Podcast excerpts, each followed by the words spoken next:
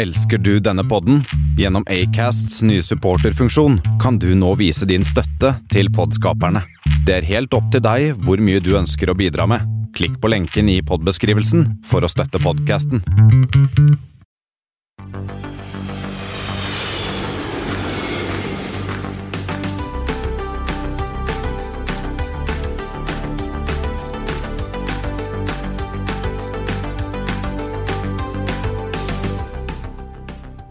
Hei og velkommen om bord på Flypoddens Flight 85. Det er i dag mandag 18. november, og som vanlig hører du meg, Espen Næss og Christian Kamhaug. Og i dag skal vi snakke om eh, skandinaviske trafikktall, Finner sine fremtidsplaner, kjøp av både fly og flyselskap der ute, og ikke minst, vi har vært på tur igjen, en kort tur riktignok, i distanse, til Indra Navia her i Asker. Indra Navia, Espen, det er jo et uh, morsomt navn uh, som jeg aldri hadde hørt om før, egentlig. Nei, eh, det ringte en bjelle, men det var ikke noe mer enn det. Og vi kan jo komme tilbake til det senere. Men skal jeg gå rett på flighten, eller, Christian? Du har funnet noen Flight 85 til oss. Ja, og så har jeg forsøkt å se en sammenheng i det. Mm. Det sagt, Skal jeg, skal jeg se om jeg klarer det? Ja da. Det som jeg synes var overraskende få, eller det var overraskende mange selskap som ikke hadde en Flight 85. Eh, Av de, av de usual suspects, liksom? Jo, av mange av de, men hvor mange Problemet er at eh, de tok jo noe av de forrige uken. Så skal du bare ta returen i dag. Det er ikke så spennende. Men la oss begynne. Uh, UA85. Ja, det er eh, United Airlines eh, long haul. Noe eh, USA til eh, Europa, Midtøsten. Ja, nesten. Eller på å si begge deler. Det er eh, bare andre vei. Det er fra Tel Aviv til Newark. Og den går med en 7-8-10. Mm, ja. Og hva mer har du funnet? EK85. Emirates. Emirates, ja. Fra til Nei, fra Dubai til? Zürich med Airbus A380. Mm. Og JL85. Japan Airlines. Da, ja, 85, Den er fra Haneda til eh, PVG. som vel er Shanghai. Shanghai, ja. Pudong. Pudong. De har jo to flyplasser. Så da har vi to lange og en kort. Ja, den går, men den går som en 787. 8, riktignok. Men det er jo ja, Neda til Pudong er jo ikke så langt som de andre to. Nei. Så klarer du å se noe sammenheng. Det er mye åttetall. 787 og 380. Ja, det var egentlig bare det, og så alle gikk østover. Nei, vestover. Unnskyld. Alle går vest. Alle går vestover. Det var det jeg klarte. Ok, ja. Men eh, ikke dumt. Ikke dumt. Men eh, vi kan jo begynne på de skandinaviske trafikktallene, som strengt tatt for, kom eh, forrige uke, men som nå ser vi på kanskje de usual suspects. Ja, vi har jo, det er lenge siden vi har sånn gått gjennom trafikktallene sånn ordentlig for alle tre store samlet. Og av, i Sverige så fortsetter nedgangen. Ja, la oss begynne med Sverige. Arlanda hadde 2,24 eh, millioner passasjerer, og det er en nedgang på 4% Og som vanlig så er det innenriks som virkelig er ille, med minus 8. Ja. Eh, Og utenriks ned 3. Den er 3% så selv utenriks klarer ikke å holde oppe der. Går vi til eh, København, de hadde eh, 2,7 millioner og noe, nesten da 300 000 mer enn Arlanda. Det var en veldig liten vekst på 0,2% man fortsatte har vekst. Og der er det innenriks faller av en eller annen grunn 6,4 selv om danskene sier at her er det ikke eim av flyskam. Nei, men den fortsetter jo den trenden som vi har sett noen eh, måneder, da. Med en reduksjon på dansk innenriks. Det er jo muligens at det henger sammen med kanskje litt bedre togforbindelser.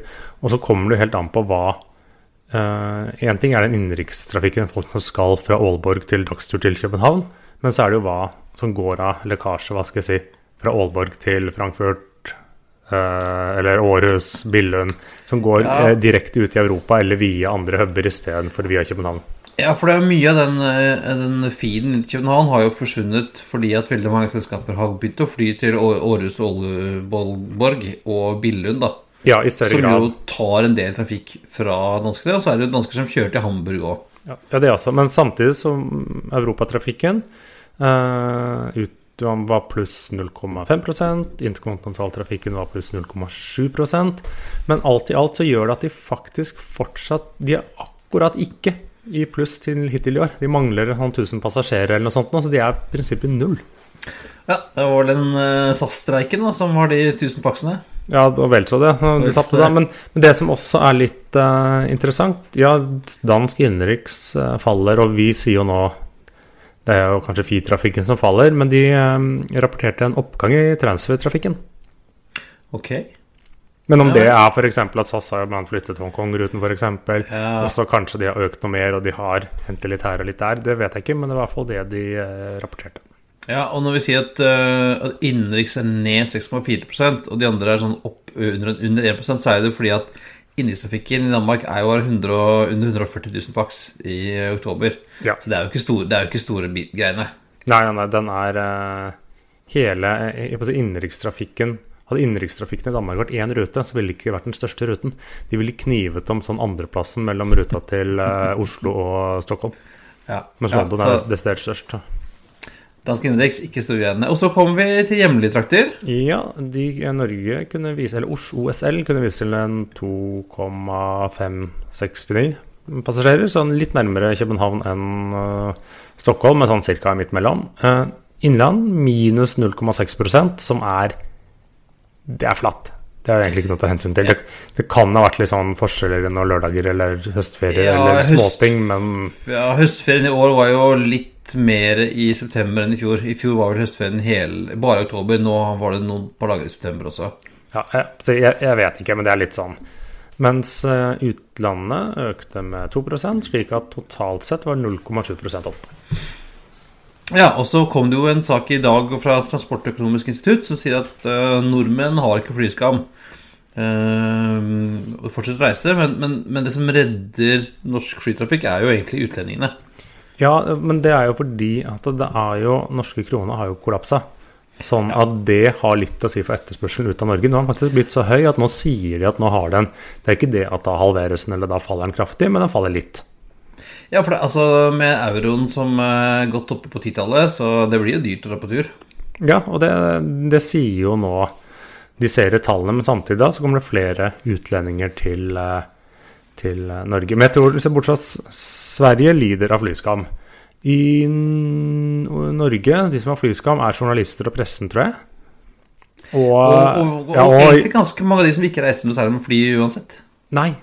Og de var det som også dro fram i denne artikkelen til NRK, det var liksom ja, Kirken. Kirken hadde fått flyskam. Kirken flyskam. Kirken hadde flyskam. Ok. Tydeligvis. Men jeg trodde de hadde andre måter å kommunisere på, men tydeligvis funker ikke det. Nei, de får fly med egne vinger, da, eller? Jeg, jeg, jeg vet ikke. Men det er i hvert fall eh, Og det er jo litt å si at i, i sånn Sverige, da, som sier at ja, de tar jo toget i stedet for.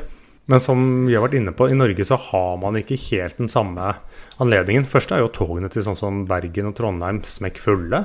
Um, og, og det er liksom slik landet er bygd opp. Skal man liksom komme seg effektivt til ja, Lofoten er ett eksempel, men selv ta Ålesund. Skal du til Ålesund på dagstur, eller en i Ålesund til Oslo på dagstur? Hvordan skal du klare det uten å fly? Det er jo ikke et alternativ med tog selv til Bergen, Trondheim og Stavanger, for det tar jo halve dagen å komme seg dit. Ja, det tar, ja, Du kan jo ta tog, nattoget, da, men da kan du ikke ta altså, men de er fulle. bruk- De er fulle Ja. det, er til sammen sånn tre vogner til Bergen med nattog hver gang. Ganger 20. Det er sånn 60 lugarer. Hvis det heter det. Ja, det er eh, to sånne som har elfly, det. Ja, det er liksom Rett. I og med at man, man deler jo ikke rom når man er på forretningsreise. Nei, det skulle Eh, tatt seg ut. så det er liksom Det er om Det er en tredjedels 737-800. Ja. ja. Nei, eh, er det bare at folk reiser mindre? Altså, jeg tenker at I sommer så, så jeg veldig mange av mine venner var sånn eh, Delte bilder av at de var på fjelltur og gikk i, gikk i heimen og sånn istedenfor å være på, i, i Syden. Da kan det være at de bare delte flere bilder når de var på fjellet, og færre når de var i Syden. Ja, det kan godt hende. Eh, Hvis de sånn eh, ønsket Eller sånn miljøposører, er det det du mener, Espen? Er ikke sosiale medier posørenes fremste arena. Eh, jo, kan du si. Kan du si. Men nå går vi helt over i andre forhold, Espen. Vi må videre i luftfartsverdenen. Og du, som eh, har en snill sønn som ofte sover, eh, har jo tid til å lese deg gjennom store bunker med Powerpoint. Og nå har du lest deg gjennom Powerpointen fra Finners kapitalmarkedsdag. Ja, den var ganske kort. Men eh, de hadde da kapitalmarkedsdag eh, forrige uke, og litt sånn For å se på De var egentlig mer konkrete enn IAG. Og ja, min, min, mindre prat, ja, mindre, mer facts. Ja, du får jo ikke veldig mye prat ut av Finne, eh, som er edru. Og det var de når de la fram dette. Vi får, vi får, håpe at de var det, i hvert fall. Ja, det virket sånn. Eh, litt sånn kort at her er de Finner har jo hatt en veldig sånn vekstfokus i det siste, men nå er fokus profitt. Eller lønnsomhet. Og liksom, ja, vi skal vokse, men vi gidder ikke å vokse hvis ikke det er garantert, eller hvis ikke vi får god lønnsomhet ut av det. Og det er jo eh, en smart måte å drive business på. For vi har jo veldig lenge snakket om den kjempeveksten som var både for, for Finner og for Helsinki, men tydeligvis har den kosta, da. Ja, og så er det litt den, men det er litt sånn den Ja, de har tatt den veksten og tatt denne kostnaden for å skal si, komme litt ut på en Kall det litt mer kritisk masse, eller hva det skal si. Hvor liksom Men det som er da, i dag så har Finner 83 fly, og de ser for seg i 2025 Da skal de ha 100 fly. Ja, så de skal vokse? De, de skal vokse, men de skal vokse hva skal jeg si, begrenset. Og de skal jo ha da I dag har de 22 longhold-maskiner. Og så har de da mål i 2025. Da skal de ha 30. Ja, Så det er ikke sånn kjempevekst på fem år, da? Nei, det er liksom en longhold-maskin i året. Litt mer. Eller det er jo seks år til, faktisk. Eh, og så har de jo da vi får leveranser av flere 350-maskiner. Eh, og så for å nå 30 så tror jeg de manglet et par maskiner. Ja, så da kan vel sjansen er stor for at det kommer noen flere 350-ordre, da. Ja, eller, noen, eller å trekke igjen XLR eller ja, ja eller 39 år og litt sånt, ja. Det uh, finnes jo mye. Ja. Og så skal de, liksom, de må se på liksom kostnadskutt, og også hvordan de kan øke omsetningen. Én ting er å selge mer billetter, men også da ancillary revenues og slik. De kommer jo med en premium economy, har sett at der er det mulig å tjene uh, mye penger. Og, men de ser også for seg at det er vel så viktig med økt frekvens framfor nye destinasjoner. Ja, det snakket vi om med Norwegian også, at uh, det er ikke så sexy å øke frekvensen, men det kan være at det er mer penger å tjene. Det stemmer. Og så skal de også se at de har jo en sånn hovedbølge til Asia, men de ønsker ikke å liksom bygge på den. De ønsker å liksom kunne spre trafikken litt mer utover dagen til disse andre si, bølgene som kanskje også er litt mer lagt opp til lokaltrafikken til og fra Helsinki. Selv om i dag du ser jo hvor viktig trafikken er for dem. 62% av passasjerinntektene deres er gjennom transfer. Oi. Det er bra.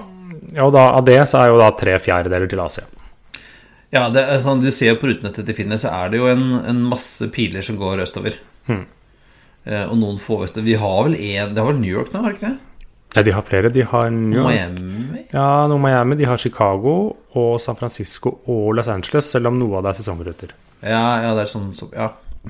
Men det som er Det man egentlig lurte på, som man ikke får svar på, er jo de skal jo ha nye kortdistansemaskiner. Eh, for de har jo noen De, de har en blanding av Embraer på Regional Jets eh, gjennom disse Norra, som også flyr ATR. Men så har de da Airbus A320-familien fly. Noen relativt nye sånne 321-ere, men en del sånn eldre 319, 320 og 321 ja, også. De har jo vært her en stund. Ja, og de eh. skal de ha nye, og det er jo De har sagt nå i løpet av et år nå, så skal, eh, skal de ta en eh, beslutning. Og det blir jo veldig overraskende hvis ikke dette bestilles fra Airbus. Nei, altså jeg ville også vært veldig overrasket om ikke det ble en ordre på noen, noen neoer. Ja, Neor og noen spekulerer. Kan man slenge noen uh, A220-er inni der? Ja, for å erstatte Embraen, ja. Mm. Ja, ja. Er jo, nå, er jo de, er jo de Norra sine, da, men Jo, men det er Finner som litt bestemmer hva de flyr med.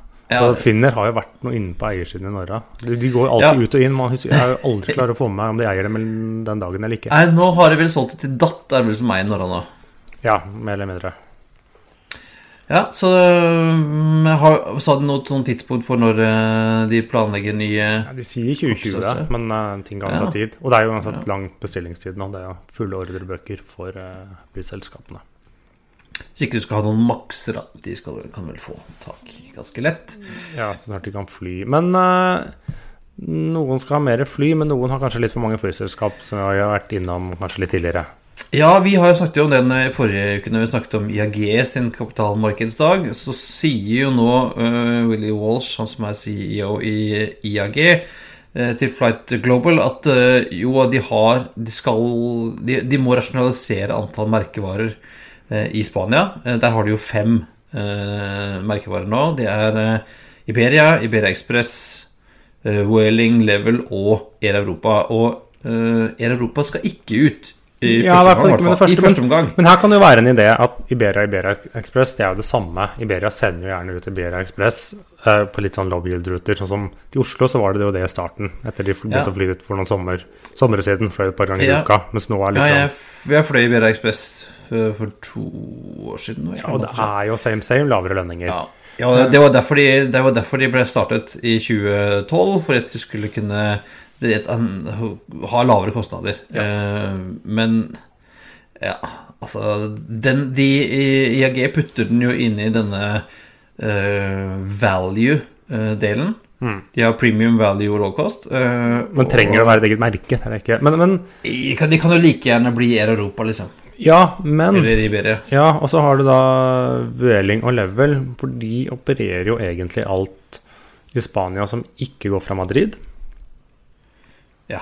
Og Eh. samt, men Vueling er jo også over hele Europa, samt Level forsøker seg i Østerrike i, med shorthold og longhold fra Frankrike. Men det er jo kanskje en idé. Ja, og Spania. Kan ikke alle Vueling Level bli Air Europa, da? Ja, men det, eh, Air Europa er jo dette du kaller for, eh, for value, ikke sant? Ja.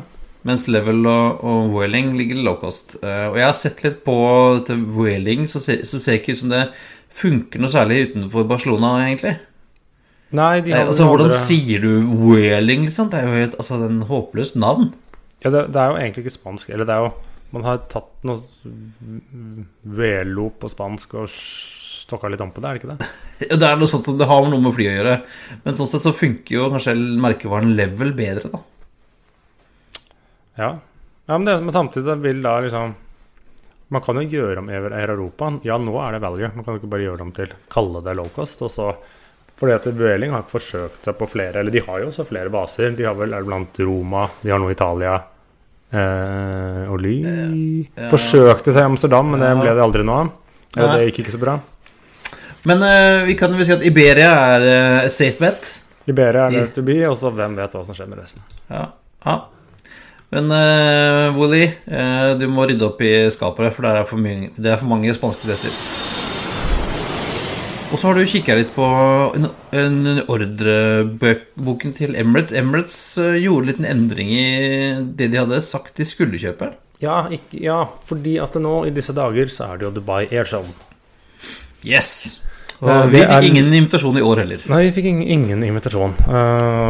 Vi de kunne jo bare sendt oss ned på en business class og vist en suite, og så kunne vi rapportert live. Men eh, vi eh, de, eh, Emirates de snakket jo tidligere i vinter, eh, så vi inngikk til en såkalt eh, letter of intent, eller memorandum om memorandum on understanding.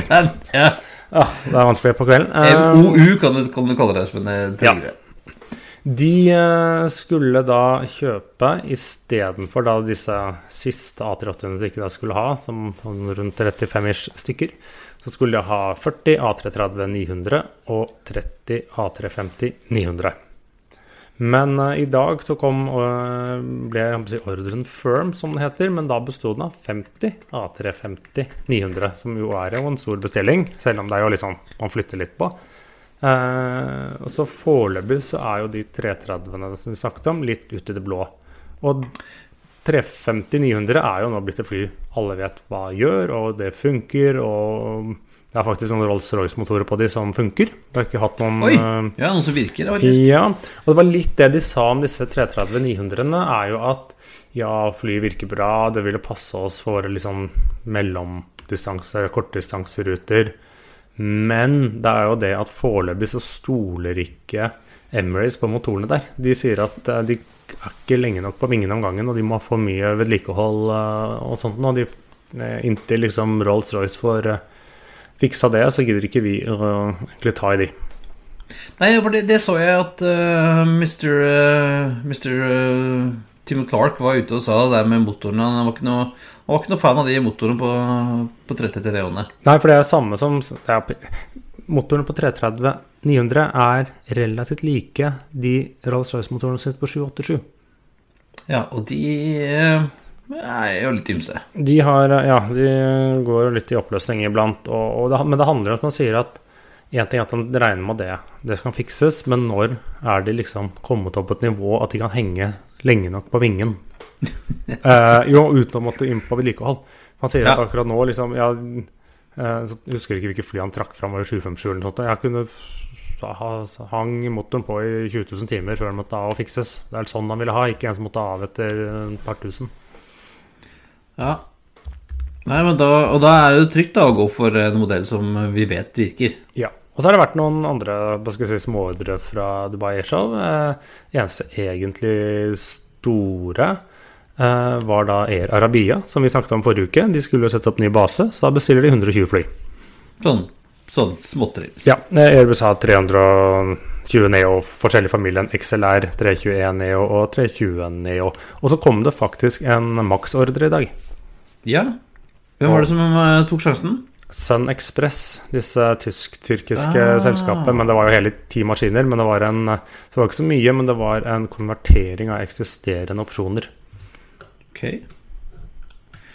Så det, ja, de er jo en god gammel 737-kunde, de. Ja, de har jo basert hele eh, si, driften sin på det. De flyr jo, Det er jo 737 som utgjør deres egen flåte. Eh, så det er foreløpig det som har skjedd eh, i, i Dubai, da. Men eh, fra flykjøp til flyselskapkjøp. Ja, altså Det har jo vært mange flyselskap til salgs. Et, en produktkunde som blir får de kasta etter deg. Hvis du ville ha et. Ja, og, og nå var det Asiana. Eh, As- Ja, Asiana er jo et, nok et Star Line-selskap som eh, har eh, slitt økonomisk ja, en god stund. ja, de har hatt for mye gjeld, og ikke De har vel så vidt Jeg tror ikke de egentlig har tapt penger, men de har hatt så stor gjeld at de ikke helt klart å betjene den. Ja, Eh, og, de, ja, og, og som nesten alt annet i Sør- Sør-Korea, så eies jo dette av et sånt stort konglomerat. Ja, Shabol. Shabol. Industrial. Ja. Shabol heter det. Ja. Eh, men de var eid av noe som heter Kumo Group, eh, som annet har drevet tidligere med noe dekkgreier og sikkert shipping. Eh, de, de, eide, de var største eier, med noen og 30 Men de eh, slet også, så de kunne ikke være med å refinansiere dette og liksom bidra. Så de liksom, da legger vi det måtte de legge ut sin eierandel eh, for salg. Og den var det da en eh, gruppering, eller Hyundai, da, eh, som er mer kjent som bilprodusent her i landet. Eh, De er også et sånt enormt industrikonglomerat. De lager, ja, de, lager de driver med skipsverft, de lager oljeplattformer, bo borerigger, eh, alt mulig rart.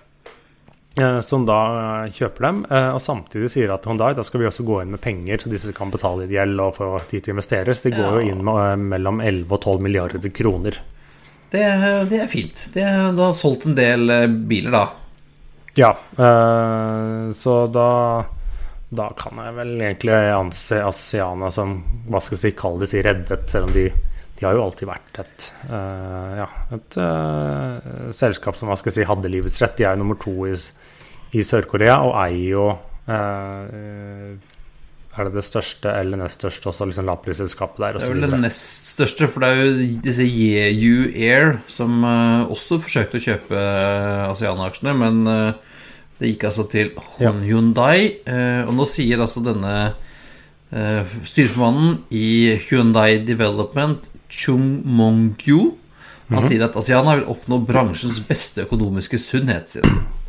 Ja, jeg får se det. Jeg har i ja, eh, prøvde dem tilbake i 2011. Det var et fint selskap å fly med.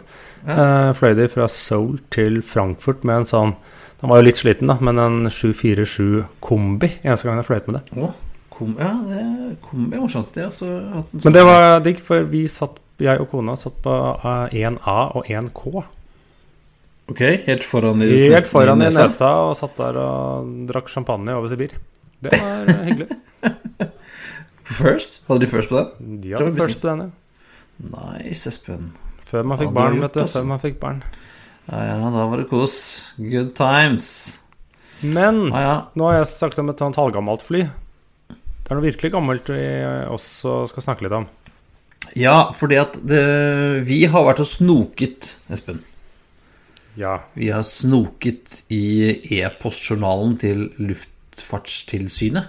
Ja, for den, de som ikke er kjent eh, for det, så Luftfartstilsynet er omfattet av offentlighetsloven. Slik at kort sagt, når de sender ut brev eller mottar brev, så må de legge ut liksom det på en såkalt postjournal.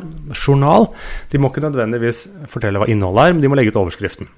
Ja, eh, og da, hvis man oppdager en litt interessant overskrift, så kan man be om innsyn. Det kan Ja, man jo i i innsynet-. Ja, og innsynet kan bli avslått eh, hvis det er saklig grunn for det, eller man kan faktisk få vite hva handler dette om. Ja, og vi eh, oppdaget en god gammel kjenning, vi oppdaget at dette var en eh, et, et, noe som har omhandlet eh, LNFVB. Ja, og dette er en no, på å som alle, Det er en Dash 8, noe opp i årene, en Dash 800. Som bl.a. Ja. ble brukt av en av disse var det tre maskiner de hadde. Eh, disse Fly Viking når de prøvde seg på sitt stunt oppe i Nord-Norge der. Ja, eh, og denne har da serienummer 540, en Dash 803. Og har vel stått i Canada omtrent siden den siden de gikk konk. Ja, eies av et sånn finansieringsselskap som heter Avmax. Ja, men nå har altså Widerøes flyveselskap søkt om eh, å få dette registrert i Norge igjen. Ja, så om de skal lease den eller kjøpe den, eller hva de har tenkt til, det vet jeg ikke, men da blir det en eh, ny dash til uh, Widerøe. De er jo ikke de er jo ikke nyfødte, de de har i dag, for å si det sånn. Nei, eh, og det er jo noen av de som eh, drar på åra. Og det, eh, alle Widerøes eh, fly heter jo noe med VF eller VI. Men eh, de må beholde registreringsnummeret LNFVB. Fordi at et norsk fly, har jeg skjønt, som blir registrert, kan ikke få nytt norsk registreringsbokstav. Nei, selv når det liksom da tilbakeføres til Norge. Så derfor de har jo også en spesiell maskin. De har jo denne LNILS. Ja, den som eh, var tidligere drevet av Luftfartsverket, med sånn, som drev sånn kalibreringsfløy og sånn. Ja, Ja, det kommer nesten tilbake til, tror jeg. løpet vi kommer tilbake til ILS-er nå. Ja. Eh, så altså, hold øynene åpne. Vi har ikke sett noe om noe dato for eh, når denne skal eh, eventuelt eh, leveres. Nei, så om den er malt eller ikke, det vet vi ingenting om. Nei, så det er egentlig bare Kan man ikke legge inn eh, LNFVB i eh, Flight 24 for sånne warnings? Jo, det er sikkert, sikkert mulig. Da syns jeg vi skal teste. Da synes jeg vi skal teste, Og så gi oss gjerne et eh, pip da om noen eh, oppdager noe mer enn denne gamle, gamle vennen som skal tilbake til eh, gamle landet. Afrikani hetene. Ja, Afrikanyhetene. De er tilbake, Espen.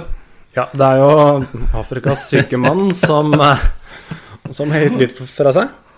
Ja, og snakker vi ikke om Robert Mugabe. Han er uh, godt eh, død. Men vi snakker om South African Airways, som eh, De har, fått, de har litt fått kniven på strupen og sagt at nå må dere ja, ta dere sammen, nå må dere bli mer effektive, dere kan ikke være et sånt uh, syk mann. Så et, en ting som liksom er litt obvious, er at de har mange ansatte. Ja, de har eh, som før, godt over fem- godt over 5000 ansatte.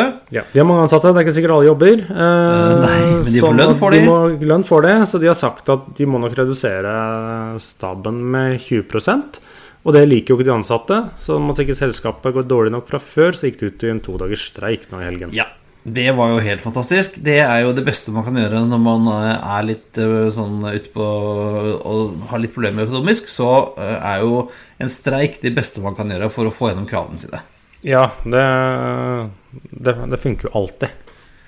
Ja, hvis du liksom vil, vil eh, Du kan jo spørre fagforeningene i eh, Sabena hvordan det gikk, Det gikk kjempebra. for eksempel. Ja. ja, ja, så to dagers streik, det hjelper sikkert på inntektene og gjør nok ikke at de må si opp noen flere folk. Nei. Nei. Men Nei. vi skal ikke Nå hopper vi, Christian. Vi har vært på tur i Asker, som vi nevnte tidligere. Ja, nå uh, Vi fikk jo uh, en invitasjon til å besøke et selskap som heter Indra Navia.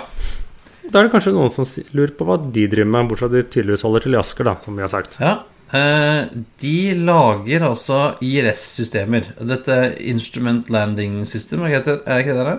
Jo, og, og litt sånn eh, For de av lytterne våre som eh, De fleste er nok eh, vet godt hva det er, men det er litt sånn banalt sagt. Det er eh, disse klesstativene som står ved enden av en rullebane, og dertil datautstyr og, og ditto. Og eh, det er den ene tingen de lager. Og så lager de da tårnsystemer. Ja. Eh, og jeg har jo bodd i Asker nå i 17 års tid, og har jo ikke visst at dette selskapet har ligget her. Eh, jeg har ikke lagt merke til den ILS-antenna som står på et kontorbygg heller. Nei, for det er hvis dere noen kjører eh, gjennom Asker E18, og så når de kjører over broa over jernbanestasjonen I retning, retning Drammen, må det sies. Ja, ja, retning Drammen. Og hvis man da ser på venstre side, så ligger det en sånn næringspark, eh, ganske ny kontorbygg. bl.a. blant annet IBL holder til der. Og da disse Indra Navia i det hva skal jeg si, nærmeste bygget. Og hvis man eh, følger godt med der, midt på, på toppen av bygget, så står det en rød eh, sånn ILS-antenne. Ja, for eh, i dette bygget så lag, eh, jobber det ca. 200 mennesker. Og de lager eh, og utvikler ILS-systemer som står på hva sa han? Halvparten av alle flyplasser i verden? Ja, de et, hadde jo et eh, enormt eksportmarked, bl.a. til Kina. eh, var en, der var blant deres viktigste marked. De dro fram ja, Sør-Korea, Japan de, Som man sa, de eksporterte, til- ja, de er eksporterte til alt unntatt eh, USA og Russland. Ja, eh, og de hadde sine årsaker. Det kommer vi tilbake til. Ja. Vi fikk en fin omvisning av Morten Lindahl. Mhm. Som eh, vel er Han var vel en litt flynerd, han òg? Han var litt uh, flynerd, han òg, sånn at Ja. uh, viste oss liksom hvordan de lagde disse kabinettene. For det sier at selve si, denne, disse antennene de lages på Rømskog av alle steder. Uh, mens da si, dette, det viktige, der hvor verdien er liksom i datasystemene og disse kabinettene hva skal kalles, kalle som settes inn i bua, og som styrer alt Ja. sammen, de lages da der og sendes ut i hele verden. Settes sammen, puttes på uh, Europal og sendes av gårde. Eh, gjerne med en tekniker eller to som skal sette det opp og, og opplæring. Altså, så- eh, opplæring av, av eh, fly- flyplassen også. Det var jo Når vi var der, så hadde de akkurat en hel bunch med koreanere. Mm. Og så, etter vi hadde pratet med eh, si, han, så kom også da Elin Merete Blakstad inn, uh, som drev med tårn. Ja. Eh, Og vi har jo vært inne på disse remote towers tidligere da vi snakket med Avinor flysikring. Mm. og det er jo mange som eh, er med og leverer utstyr til disse, dette prosjektet. Men, men eh, Indra Navia de leverer altså det som de kalte for kalte for Heads down. Heads down. Det som, ligger, det som ligger på pulten, altså electronic flight strips, eh, skjermer, kommunikasjonssystemer Ikke det de ser på. Nei, ikke kamera, men- radaren, eh, den type ting. De leverte det ikke. Men de, det jeg trodde, var at dette er dette konkurrent til disse vet, Kongsberg-gruppen har vært veldig liksom, Vi har levert disse uh, tingene nå til Avinor, men disse er jo sammen med Kongsberg om dette. Så de er jo en viktig jeg si, De er en av puslespillbrikkene i dette, og er relativt stor eh, andel av tårnet. Ja. Nei, det er kjempe, dette er jo kjempespennende. Uh, vi, jeg tror vi bare lar uh, Morten og Elin fortelle litt, ja, Espen. Ja, og så må vi gi en liten sånn eh, heads up. En heads up, en liten warning. Trigger warning. Ja, vi, jeg måtte ha med traineen igjen, og han blander litt uh, Blander seg litt inn i konversasjonen et par steder uh, fram til vi rett og slett ble sendt på gangen. Eh, ja, og vi har, eh, før noen sier vi har prøvd å filtrere ut eh, Ludvig, men Axelet, han eh, han var ikke bare ett av lydsporene, han var i alle, alle lydsporene. Så han ble litt vanskelig å ta bort. Men altså, han eh, Espen og, og Ludvig gikk på gangen etter en stund, eh, så eh, litt, litt lyd fra Ludvig må vi tåle.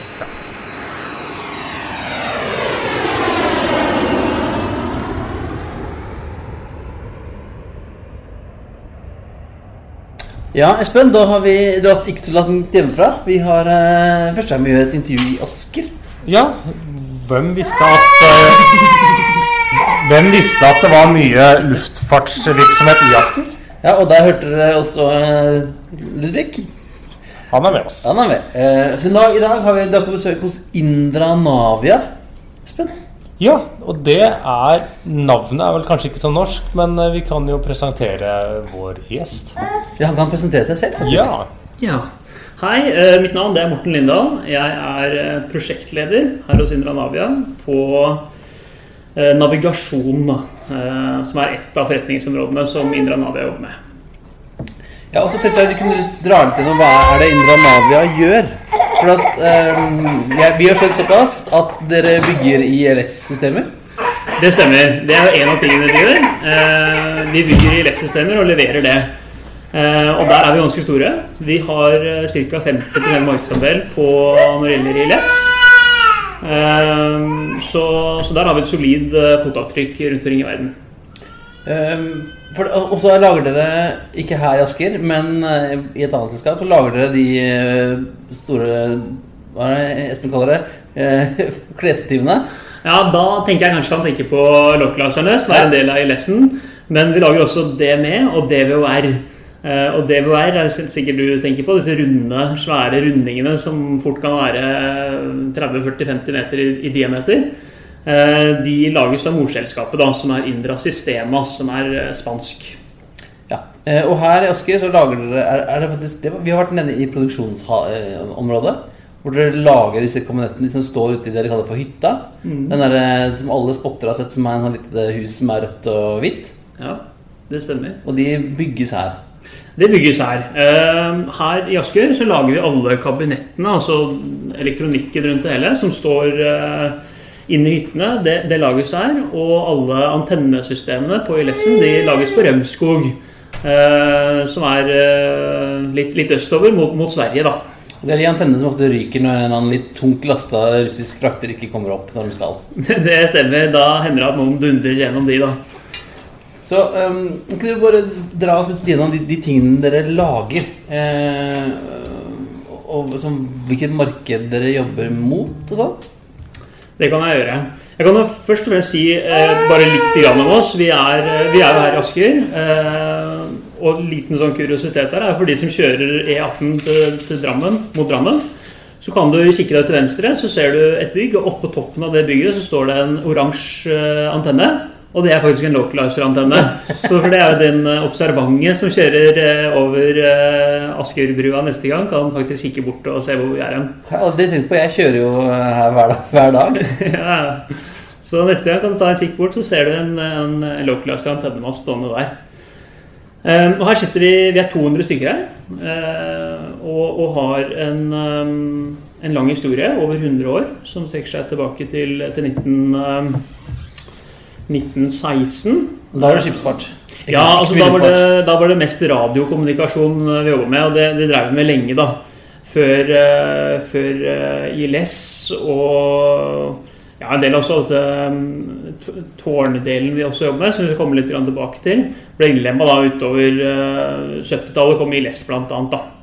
Så det er en lang tradisjon, og vi har jo bytta litt navn, og det har vært litt oppkjøp, og det har vært litt sammenslåinger og litt sånn opp gjennom årenes løp. Så det kan hende at noen kjenner oss uh, igjen som Park Air Systems og Northrop Grumman.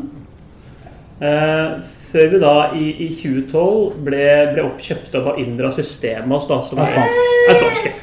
Det er et stort uh, spansk konsern som, som jobber i hovedsak med teknologi da innenfor flere forskjellige grener. Og dere har levert til norske flyplasser Det har vi. og hele verden. hele verden. Eh, hvis du ser på, på en måte markedsandelen vår, så er vel Norge bare blir en sånn liten dråpe i havet, egentlig. Eh, så markedet vårt, det er ute i verden. Eh, og på, på ILS så har vi ca. 50% markedsandel i verden på ILS. da. Ja, og når jeg ser på dette eh, kartet deres hvor dere har levert, så man kan jo si at disse Det viser jo at dere leverer til hele verden, men det er noen steder hvor det er eh, ikke så tett mellom prikkene. Det er to par sånne eh, steder hvor det er ganske eh, tungt, ja. Ja, det, det stemmer det. Eh, På, på ILS-siden, eh, så altså USA, der er det ganske tomt. Eh, Der er det jo Proteksjonismen står eh, sterkt, og de skal ha egne sertifiserte. America first. Så der leverer vi ikke noe, og, og Russland er vel et marked eh, som det ikke har blitt satsa noe særlig på. Ja. Men, men utover det så, så finner du oss eh, stort sett i hele verden, eh, spesielt mye i Europa, og Kina Ja. er vi store på, på ILS. da. Der er det levert over, eh, over 300 systemer som står eh, rundt omkring i Kina. Og mer skal det bli. Mer skal det bli. Ja, ja, absolutt. Vi, eh, vi, eh, vi satser på sterk vekst, vi. Så det er jo andre ting som, som kommer nå. Altså, Uh, ILS er jo et system som Altså, teknologien er uh, forholdsvis gammel, fra 40-tallet.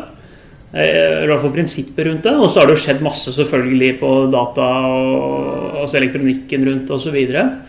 Uh, mens nå så ser man jo da at uh, den neste generasjon ILS er på trappene. Eh, som da Altså GBAS er jo det nye systemet blir referert til. da. Hva, hva vil det si hvis vi skal sammenligne da med dagens ILS?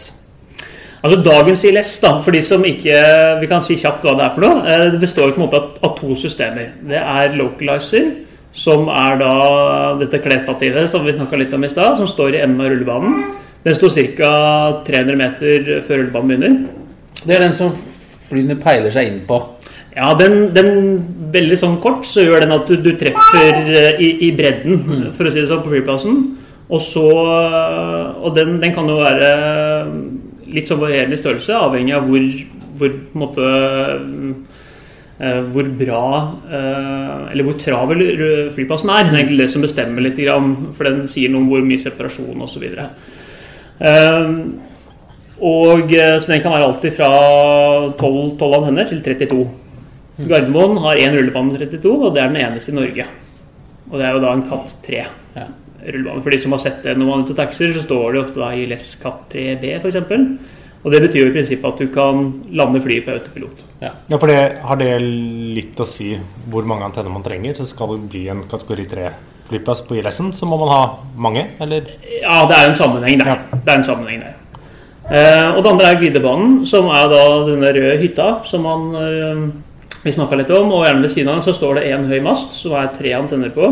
Og det ligger jo litt i ordet. Det er jo glidebanen da, eh, som skal jeg si, sier noe om nedstigningskoeffisienten til Ja, flyet. og den snakket vi om. Det var den som de drev og kødda med i eh, Die Hard 2. Ja. Med litt filmtriks. ja, ja, jo, men det, var der de var ute og der, der de måtte ut og fikse noe. Ja. Ja. Så Når du setter de to systemene sammen, da får du da et eh, siktepunkt på rullebanen som gjør at du treffer eh, rimelig nøyaktig hver eneste gang. Eh, så når du da flyr på ILS i dør du er, så sitter jo da piloten og ser ned i instrumentene og ikke ut av vinduet. Eh, så ikke om jeg nevnte det, men de har da over 1400 sånne ILS-systemer stående rundt omkring i, i verden. ja. Og de, det var litt gøy, for de, et av de store prosjektene dere holder på med nå, er eh, i Korea. sant? Ja, det stemmer. Der leverer vi eh, Der skal vi bygge en fjerde rullebane. De har jo store ambisjoner eh, på Incheon i Seoul om å bli Ja, jeg vet ikke hva som er den, den liksom sluttambisjonen, men i hvert fall bli en av de største og ledende i Asia. Det er definitivt en ambisjon. Så der leverer vi et fullt system, to ILS-er, eh, til rullebane fire på Incheon. Eh, Så det foregår i disse dager. Så de er faktisk på kurs her nå i disse dager, da. Ja, for dette er jo et, si et norsk eksporteventyr. er- Kan, kan du kalle det det? Ja, det tror jeg definitivt man kan kalle det. På Ilesia så er det absolutt det. Og så har det dere opplæring her, eh, på teknisk side. Ja, Eh, Og så drar dere har jeg skjønt, ut og setter opp eh, tingene der ute. ja. Det stemmer. Så vi gjør eh, på, på ILS så gjør vi produksjon her eh, i Norge. Vi gjør opplæring her i Norge, og vi reiser også ut og setter det opp ute. Og, og den dagen eh, den nevnte russiske frakteren river ned alt, så må dere være klare for noe, å sende noen ekstra biter og serviceteknikere av gårde.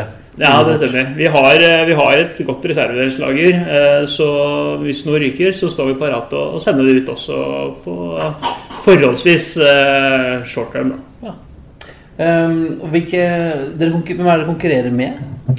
På ILS er det Thales som er Ja. hovedkonkurrent, og så er det noen andre små uh, småfirmaer rundt omkring, men Thales er definitivt den største konkurrenten. Så um, og så er det vel noen som har prøvd seg litt sånn i, i Kina, og litt sånne ting, men det, de når ikke opp. Og, og vi leverer et godt produkt, for Kina er en av våre største kunder, og, og de vender tilbake gang til gang.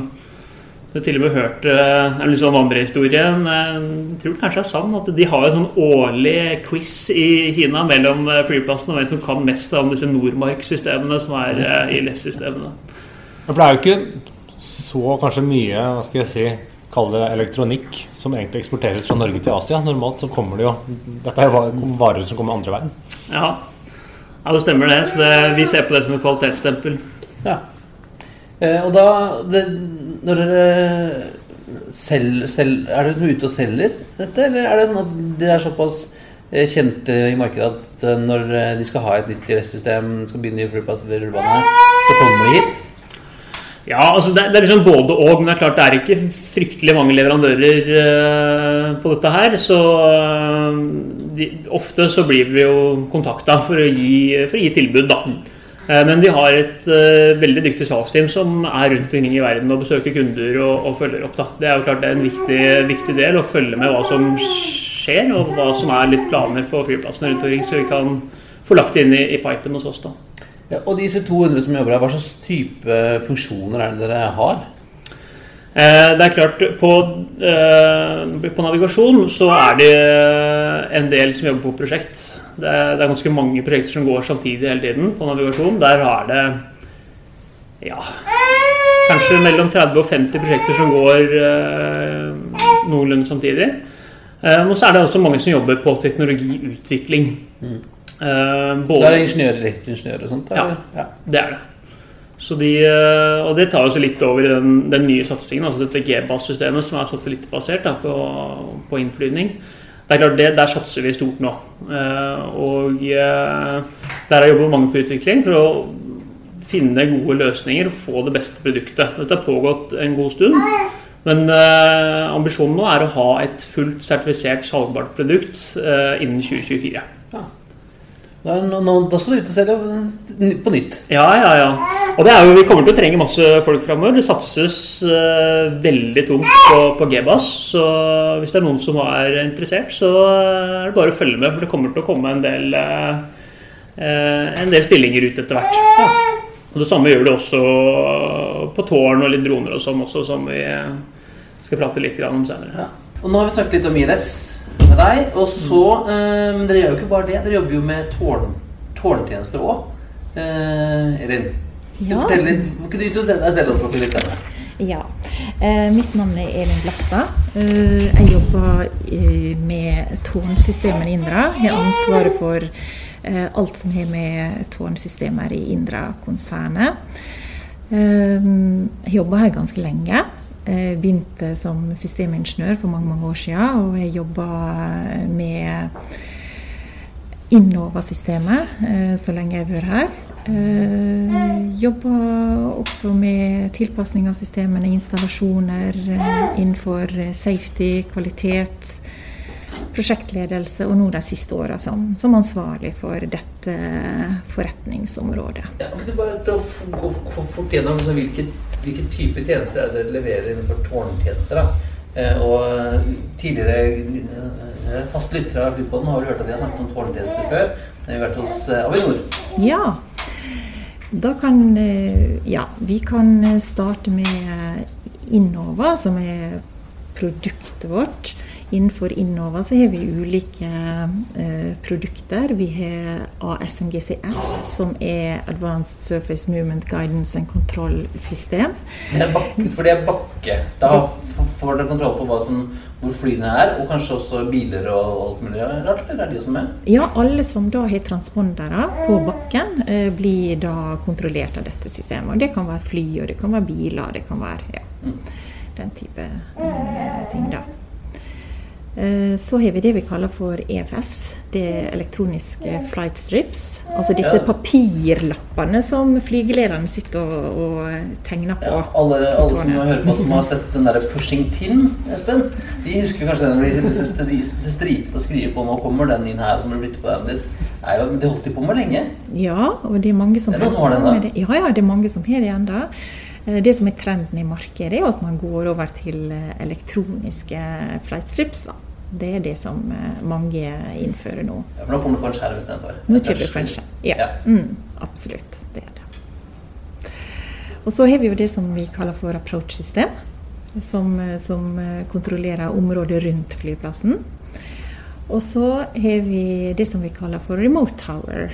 Som Ja, dere kanskje snakka litt om før. Det snakket vi litt med, med Snorre Andresen om. Dette er jo det at man kan styre et tårn fra et helt annet sted, der hvor bl.a. Kongsberg er inne med kabelteknologi og sånne ting. Ja, og der er vi jo eh, eh, leverandører blant flere, da, eh, til eh, Avinor.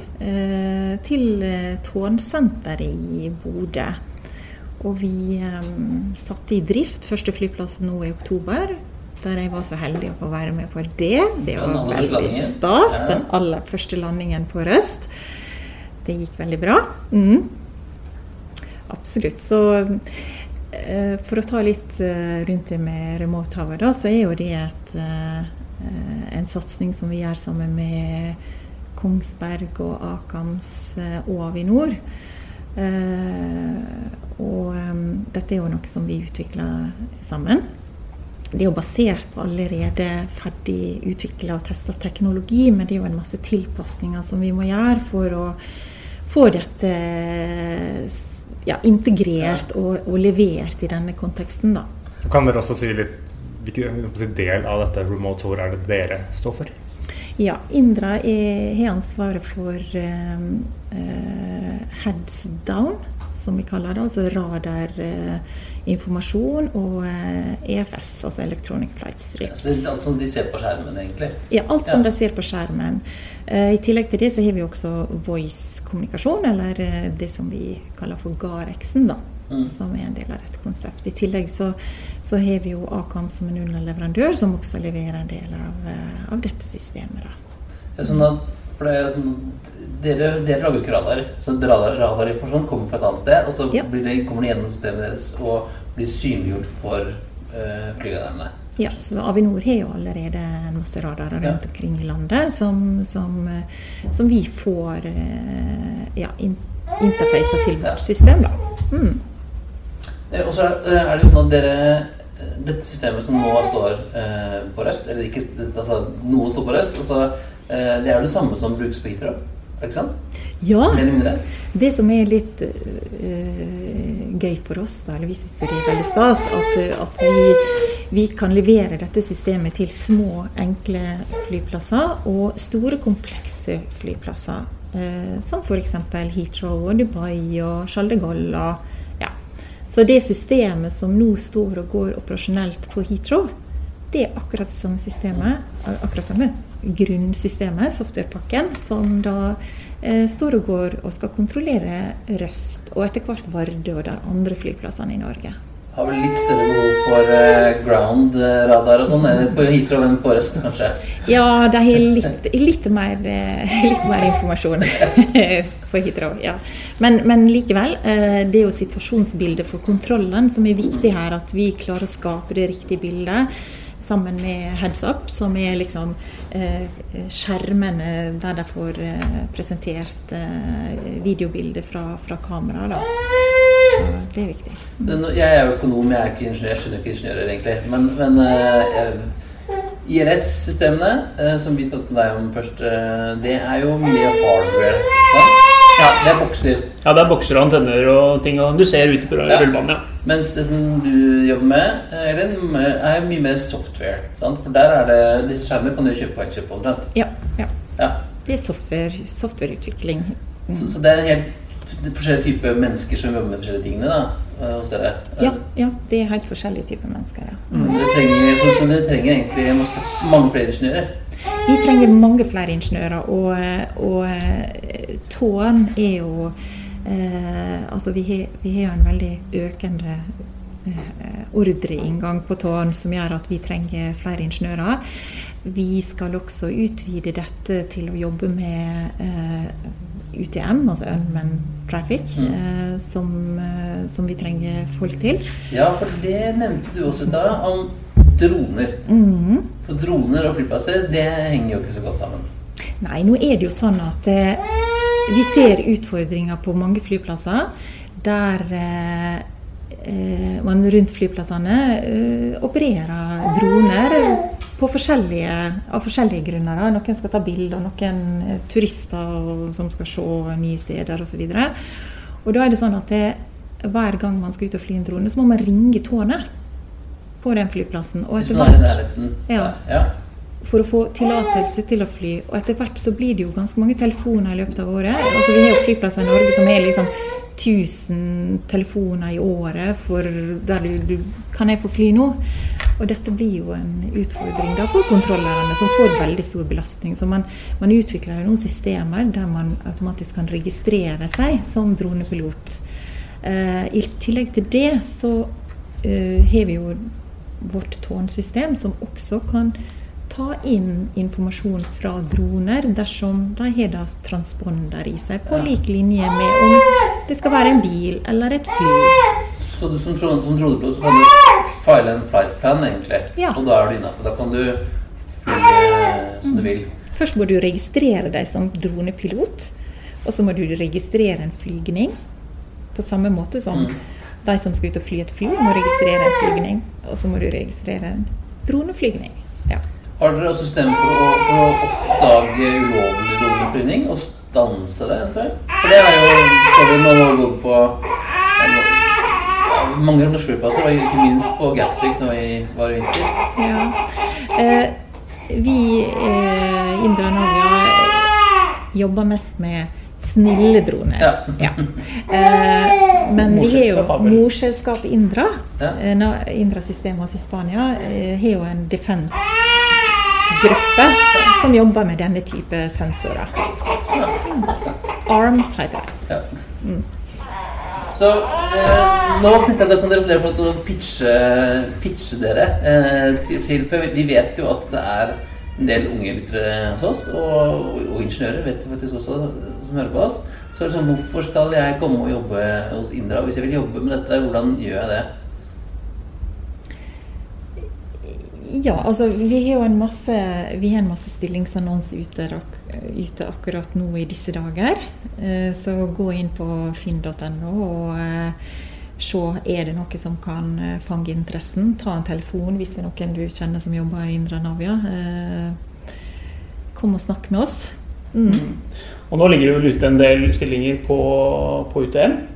Ja. Eh, akkurat i disse dager, så er det da på dronebiten av det. Eh, og utover neste år så kommer det også en andre ting på tårn. Men også på navigasjon så kommer det masse da på GBAS, som er da neste generasjons eh, innflyvningsutstyr. Og, eh, veldig veldig spennende og veldig kult å kunne være en del av fremtidens uh, luftfartsindustri da, på den tekniske biten her. Og så er det litt gøy da, siden at jeg bor i Asker, at det, at det skjer her. Jeg har jo aldri visst at det, at det var som luftfartsindustri i nabolaget. Altså, eh, vi har jo en lang eh, industrihistorie i dette firmaet som vi er veldig stolte av. Vi, vi feira 100-årsjubileum for noen år tilbake. Og, og eh, vi syns det er veldig spennende å fortelle dette til eh, unge ingeniører som kommer inn. Eh, viktig for oss å, å forankre strategien vår i den historien vi har. Eh, det å jobbe i Indra Navia, det betyr jo at eh, man først og fremst har en veldig spennende teknologisk eh, utvikling. Man kan jobbe med eh, veldig spennende systemer. Mm. man har hele verden som arbeidsplass. Ja, for dere jobber jo veldig tett med kundene deres også, har jeg skjønt. På utvikling av valgstemmene. Ja, det, det er viktig for Der for kom oss. Ludvig. Og så gikk Ludvig igjen. Og så En annen liksom viktig ting som jeg kom på, det er at vi er jo vi er 200 stykker her, og, og gjennomsnittlig ansettelsestid for øyeblikket er vel rundt 13 år. Så folk trives, da. Ja. Ja, Når man først kommer inn her, så blir man ofte her veldig lenge. Og det tror jeg er litt fordi at eh, denne ATM-bransjen er ikke så stor eh, når man ser på hele verden. Det, Den er ganske spissa både på teknologi og på fag, fagområder. da. Eh, så eh, hvis man først blir fenga av dette, så er det vanskelig å komme ut av det. Altså, det å sitte i tårnet på Heathrow og, og eh, det, det gir et lite kick, altså, som er veldig kult. Og så må det være altså, veldig gøy å kunne jobbe i Norge i uh, det selskapet som er som verdensledende innenfor den teknologien. Ja, være. vi er jo i verdensmesterskap hver eneste dag. Altså, vi er jo der ute og konkurrerer eh, med konkurrentene våre for å levere disse systemene. Og det er klart, i Norge, eh, som er et høykostland, så krever det at vi er effektive. Og det betyr for oss at vi må automatisere, og vi må satse på gjenbruk. Vi må produktifisere produktene våre og levere dem på en sånn måte at vi bruker minst mulig tid på hver installasjon. Og dette, eh, Avinor så snakket jo veldig mye om remote tower. At det, de så på det som en mulig eksportartikkel. Ja. Tenker dere også det? Ja, absolutt. Vi ønsker å gå sammen med Avinor og Kongsberg og Akams ut i verden og, og selge dette også til andre, andre steder. Og det er jo veldig stor interesse for nettopp det som, det som skjer her i Norge, da. Mm. Ja, for det, det er jo ikke bare Norge som har mye småflyplasser. Du ser jo, altså, du er ikke lenger til Skottland. Eh, øyene der, for liksom du ligner på noe. Eh, og egentlig skulle man jo Nå snakker vi mye om småflyplasser, men egentlig kunne du kjøre remote tower på hvilken som helst flyplass i verden. Eller eller blir det for komplekst når du kjører, kunne kjørt styrt Frankfurt fra Røyken, liksom? Eh, vi, Ja, så, så i teorien så kunne man kanskje det, men eh, man har jo en del eh, ja, eh, eh, grenser her som man må Men teknologien er der, så man kunne jo på en måte gjort det. Ja, altså teknologisk sett så er det, er det mulig. Det er jo datalinjer kanskje som er litt begrensning på den type ting, men, eh, men eh, ja. Ja. Spennende tanke det der, altså. Altså, det, det kan du få helt gratis. Den der. Ja. Så pleier vi å Er det noe annet du vil legge til som ikke vi har dekket, egentlig? Nei. Nei? Vi kommer til å dele litt eh, videoer og bilder og sånn eh, også på flypodden.no, sånn at Mm. man kan se hvordan disse systemene fungerer. Og en sånn ting som du nevnte i stad med, med dette GBAS. Ja. Eh, som gjør En av de store tingene som, som den tydeligvis gjør, er jo det at man kan eh, gjøre noe med, med separasjon. Så Ja. du kan få, du får mye mer trafikk på, flypass flyplass. Det er ikke sikkert du trenger å bygge den tredje rullebane på Gardermoen, for du får såpass bra eh, håndtering av kapasiteten. At du får flere avganger inn på kortere tid. Ja, altså Det er jo det som er litt sånn begrensninga på en ILS i dag, er jo at man, eh, man har en viss separasjon, da, fordi man får en slags det, radioskygge pga. Uh, hvordan antennesystemet er i dag, og det, det vil man ikke få i fremtiden. Og I tillegg så kan du tilpasse approachen din på en helt annen måte. som er at du kan, uh, Istedenfor å fly oppom Hamar da, på nordlig approach eh, på Gardermoen, så kan du ta den av mye før. Ja, for i dag er du jo sånn bundet av visse ja, det visste- veier, egentlig. Ja, du er bundet av på en måte et innflyvningsmønster. da. Men med dette nye systemet så kan du egentlig fly nesten hvor du- hvordan du vil. Ja, altså Det må jo være opp til flyplassen å Ja, ja, ja. Men- legge opp systemet. Men men du du legge opp kan- andre typer måter, både som skaper mindre støy, og disse- grønne landingene hvor du kan begynne mye tidligere, og du kan slippe å fly liksom veldig fast, da. Ja, ja, det stemmer. Så det er jo på en måte Du nevner jo mange oppsider der. Minske, minske ned litt støy, altså fuel-kostnader for flyselskapene. Man kan få tettere separasjon. eh, Så, så det er mange oppsider der, da. Og det er Der er vi helt ledende. Og, og som jeg nevnte stad, så er vel i løpet av en fireårsperiode så skal vi være ute da med et sertifisert system der. Så det blir en spennende reise. Ja. Eh, og hvordan henger liksom det sammen egentlig med dette IRS som du holder på med, og tårntjenesten som du holder på med? Sånn. Henger, henger, de, henger de sammen? Altså, er, det er, gjør det mange er det mange som kjøper det som en pakke? Kan du kjøpe det som en pakke? Hvis jeg skal bygge en flyplass ute på landet, kan jeg kjøpe Kan jeg få alt fra dere? Eller? Ja, det Ja. kan du.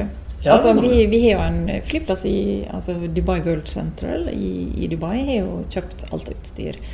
Som er ILS-er og eh, tårnsystemer og Garex og ja, alt som er. Så det er en kontrakt som en Full pakke. Ja. full pakke. Full pakke.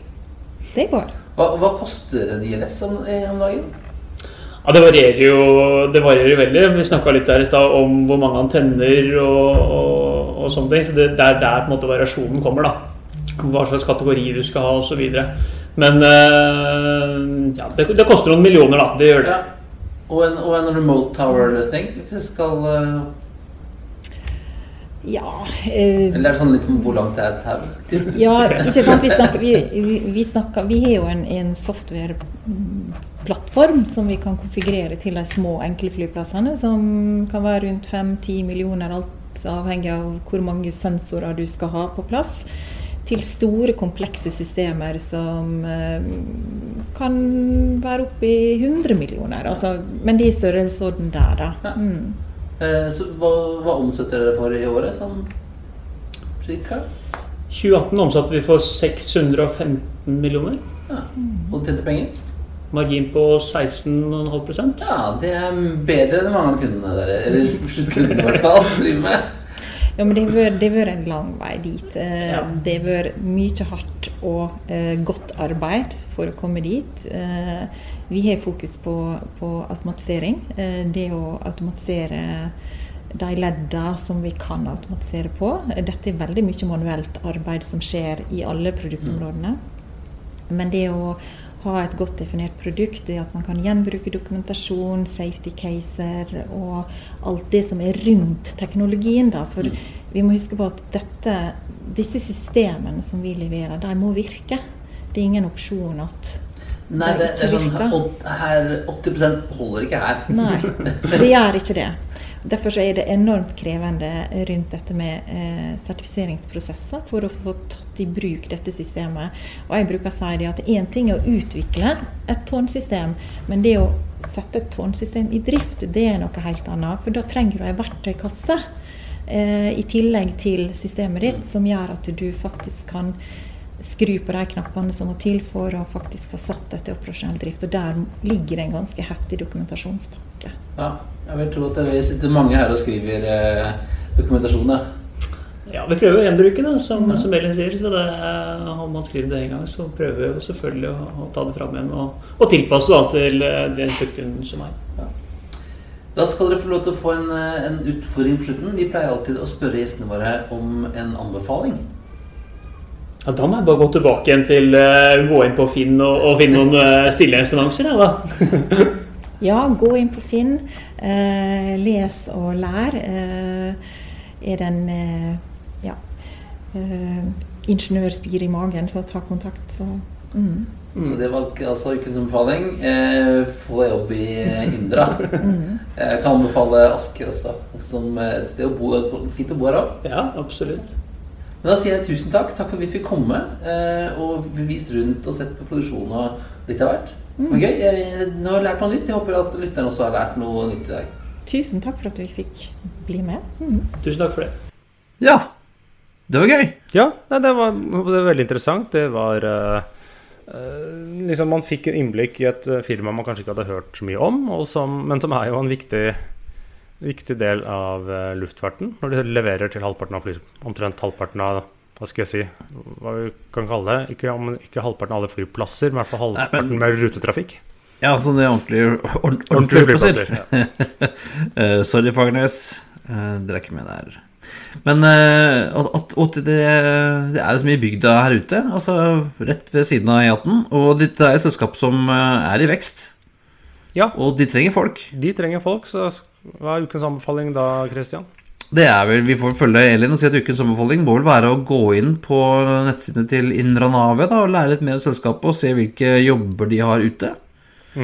Og følge med, for det kommer jo flere jobber. Så er man interessert i luftfart, det kanskje er litt fargebryn eller et eller annet som gjør at man ikke kan øh, ikke kan fly selv, det kanskje kan tipse han Henrik Asheim, så kan han bli stemt ut av Stortinget.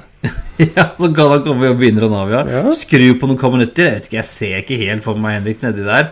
Eh, han, det må jo være jorda. og Jeg vet ikke helt for jorda Henrik Asheim her. Nei, det, hvem vet. Han er litt, litt mer elektrisk. Men det er altså Vi legger selvfølgelig linker og litt noen, vi tok noen bilder også i, i, de delene vi fikk lov til å ta bilde. Mhm. Eh, Så det legger vi selvfølgelig på flypodden.no, og så linker til hvordan man kan lære mer om Indra Navia og sjekke hva slags eventuelle muligheter det finnes der for å få seg en, eh, en godt betalt, eh, tipper vi. Vi vet ikke, men sikkert godt betalt jobb. Ja, og jobber man i Asker, så kjører man mot Røsje. Hvis man bor den veien. Ja. Ja. ja. Jeg tror at det var vel alt for i dag, Espen. Hvis ikke du har noe mer? Nei, det Dette var det. Dette var det. Da er det på tide å feste setebeltet, eh, rette opp stolrygg og bord, eh, sikre fri sikt ut av vinduet ettersom flight 85 er på vei inn for landing. Som vanlig finner du bilder og linker og snadder eh, på flypodden.no. Du finner oss på facebook.com slash flypodden, på Twitter og Instagram at flypodden. Og vil du ta kontakt med oss, eh, sende oss et tips eh, eller eh, invitere oss på tur og der, sender du en mail til hallo at flypodden.no. Ha det bra. Ha det bra. We truly appreciate your business and look forward to serving you on a future flight.